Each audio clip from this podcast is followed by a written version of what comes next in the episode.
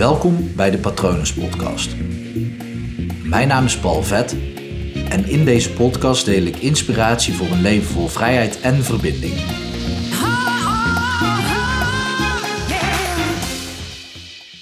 Volg je gevoel niet. Ja, ik zei er niet achter, dat klopt. Volg je gevoel niet. Gewoon niet doen. En het is eh, geen populaire mening en de waarheid ligt zoals gewoonlijk in het midden, maar ik leg het lekker zwart-wit uit, omdat je dat meer helpt dan wanneer ik alles ga nuanceren. Maar je gevoel is namelijk ook het gevoel wat je hebt op het moment dat jij naar de supermarkt gaat en je hebt heel de dag hard gewerkt en je hebt nog niet gegeten. Dan is de kans heel groot dat je met iets verkeerds thuiskomt. Uh, los van wat is verkeerd, hè. Maar goed, op het moment dat je dan op je gevoel afgaat, dan zijn je ogen groter dan je maag. En dat is bijvoorbeeld ook een gevoel. Op het moment als jij verliefd bent geweest en je bent zo keihard gekwetst, dan is de kans dat je op het moment dat je, stel het lukt je weer om nog een keer verliefd te worden, dat je dan ook opeens kaart gaat wegrennen. Omdat je in je systeem hebt zitten dat je gekwetst gaat worden. Op het moment als jij met een date naar een pretpark gaat en je hebt eigenlijk last van hoogtevrees en jouw gevoel zegt dus ja, ik ga echt niet met haar in die achtbaan, terwijl zij juist heel erg van avontuur houdt en je volgt je gevoel en je gaat niet in de achtbaan, ja, dan is de kans groot dat je de liefde van je leven, ik maak hem heel groot hè, de liefde van je leven misloopt. Nu is het natuurlijk zo dat ik ook wel eens een artikel heb geschreven over volg je gevoel en maak op basis van je gevoel de keuzes. Dat klopt. Dat is waar ik nog steeds achter sta. Maar wat het verschil is, is wanneer je op een moment dat je gewoon in je woonkamer zit en je denkt na over bepaalde besluiten die je te nemen hebt. En je gaat dan naar je gevoel luisteren van oké, maar welke beslissing geeft me een beter gevoel? Op YouTube kan je een foto vinden of een ja, video vinden met een, um, hoe heet zo'n ding toch? Zo'n screenshot. Thumbnail. Thumbnail waar ik met twee uh, rondjes op sta. Dat zijn vloerankers. Ik noem ze vloerankers. Klinkt echt heel fancy. Zijn gewoon twee placements van de IKEA. Maar het zijn vloerankers natuurlijk. En plak dan een stickertje op. De een met uh, deze keuze en op de ander met de andere keuze. Neem even je tijd. Ga op uh, elk van de keuzes staan. En voel dan bij jezelf wat de juiste keuze is. Dan is naar je gevoel luisteren super slim. Aan de andere kant, daar kan ook gewoon spanning bij zitten. Want op het moment dat je voor de ene keuze um, het risico loopt, als dat voor jou een risico voelt, om voor een groep te moeten spreken, terwijl je dat super eng vindt, maar aan de andere kant brengt je dat wel veel verder in je leven, dan is de kans groot dat als je op dat vloeranker gaat staan, dat je nog steeds spanning ervaart. Maar goed, over het algemeen, als je dat doet op een veilige plek, dan kan je dus op basis van je gevoel een beslissing nemen. Maar daarna is het dus zaak om die beslissing om te zetten in een actie en dan gewoon die actie helemaal af te ronden. In ieder geval, je moet niet als een uh, kip zonder kop jarenlang doorgaan op die ene beslissing die je hebt, hebt genomen. Het is zaak om om de zoveel tijd even te evalueren en dan weer naar je gevoel te luisteren. Maar op het moment dat jij een keuze maakt op basis van je gevoel, dan ga je daarna het gevoel even aan de kant zetten en dan ga je gewoon actie ondernemen. Waarom? Simpel voorbeeld. Als jij de keuze maakt, hey, ik wil, laat ik zeggen, uh, eh, 5% vetpercentage naar beneden. Of ik wil zichtbare apps hebben. Of ik wil rondere billen hebben, ik noem maar iets. Op het moment dat jij die keuze maakt en je weet, oké, dit is wat ik wil.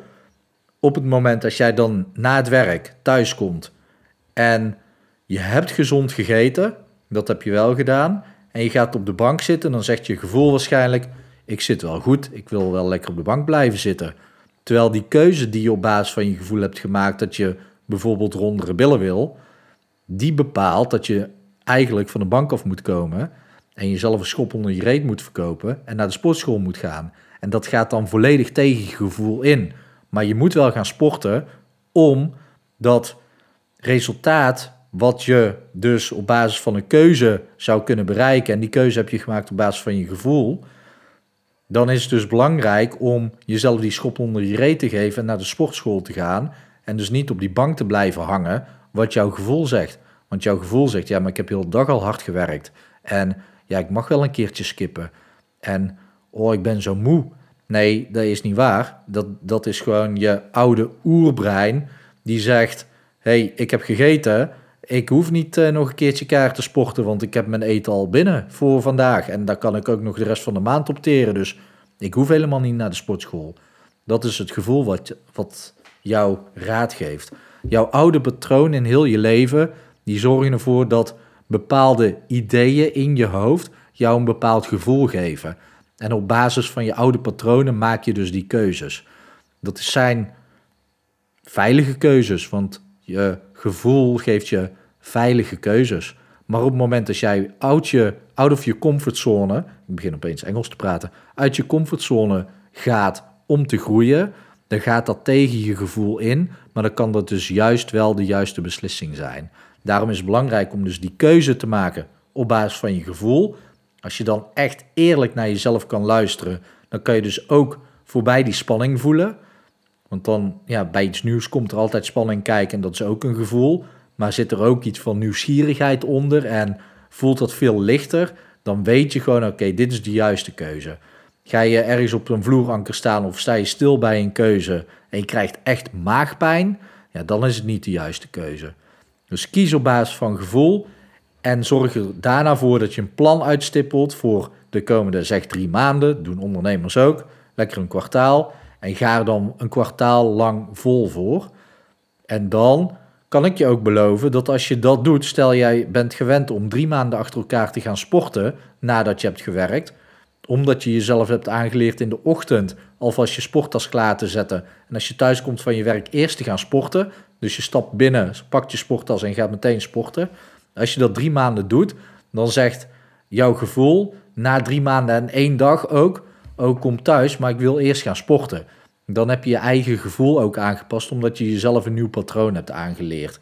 En dan komt jouw gevoel overeen met wat je wil bereiken. Dan is dat congruent en dan is het super waardevol om naar je gevoel te luisteren. Zit je heel erg in die flow, dan kan je ook overstappen naar andere keuzes of snellere keuzes maken op basis van je gevoel.